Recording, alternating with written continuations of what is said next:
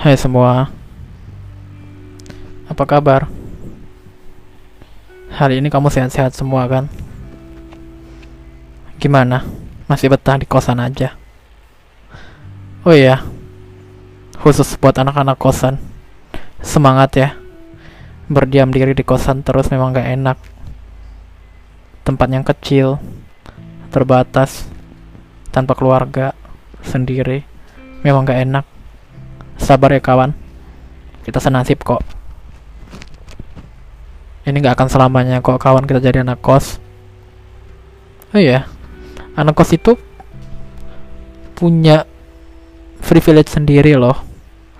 Banyak hal-hal yang hanya ditemui oleh anak kos, tapi nggak ditemui sama teman-teman yang tinggal di rumah. Apa itu? Anak-anak kos itu sudah terbiasa makan di tempat tidur, belajar di tempat tidur, nangis di tempat tidur, sholat di tempat tidur, kerja di tempat tidur, tidur di tempat tidur. Itu semua adalah hal yang normal buat anak kosan. Tapi enggak buat teman-teman yang tinggal di rumah atau kalian yang enggak pernah ngerasain ngekos. Oh ya, orang-orang kosan itu terbiasa hidup mandiri menyambung hidup dari hari ke hari dari bulan ke bulan dari gajian sampai gajian lagi itu sudah terbiasa. Mana kosan itu kuat-kuat hebat-hebat mereka terbiasa untuk survive. Oh ya anak kosan juga terbiasa tuh mandi pakai sampo yang udah nggak ada lagi terus dimasukin air.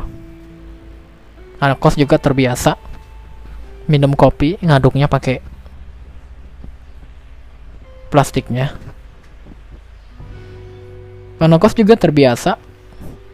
Makan indomie tiga kali sehari. Jadi menurut aku anak kos itu makhluk spesial walaupun tinggal di kosan murah.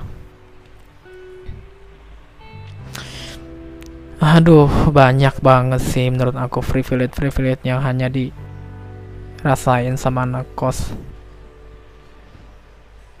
apalagi ya? Teman-teman punya pengalaman apa seputar ngekos? Pengalaman di digerebek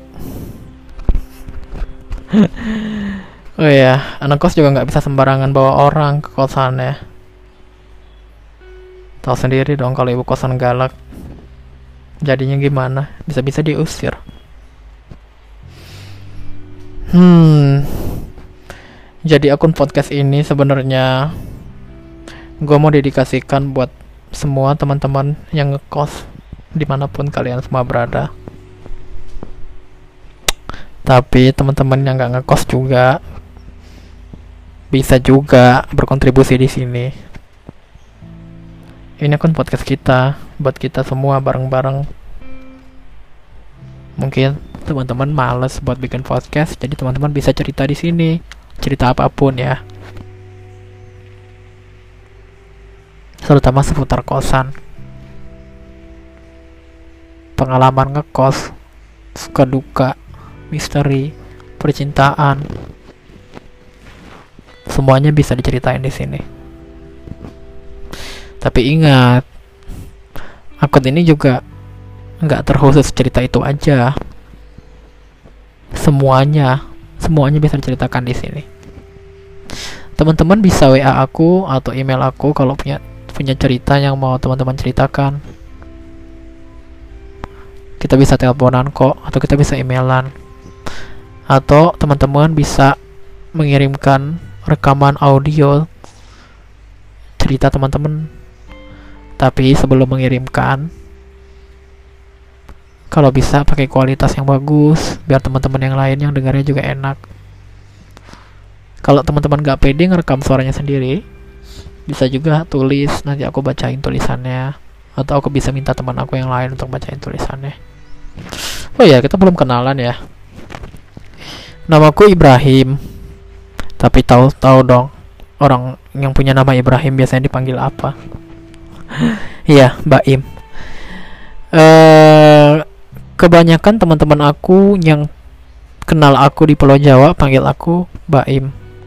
Tapi teman-teman aku yang kenal aku dari kecil atau teman-teman aku yang tinggal di Sumatera rata-rata mereka semua panggil aku Ibrahim atau Ib. Terus pertanyaannya sebenarnya kamu suka dipanggil dengan panggilan yang mana Im? Aku nggak masalah kok mau dipanggil apa aja. Teman-teman bisa panggil aku Ibrahim, Ibaim atau apa pun. Terserah teman-teman mau panggil aku apa, itu bukan hal yang penting buat aku. Yang penting buat aku adalah kita semua bisa saling kenal, bisa saling ngobrol, bisa bisa berbagi, bercerita. Mungkin itu aja kali perkenalan dari aku. Nanti kita pikirkan lagi podcast yang kedua, ketiga, keempat, kelimanya apa. Kita cari lagi sesuatu yang menarik untuk didengarkan dan diceritakan. Itu aja ya dari aku.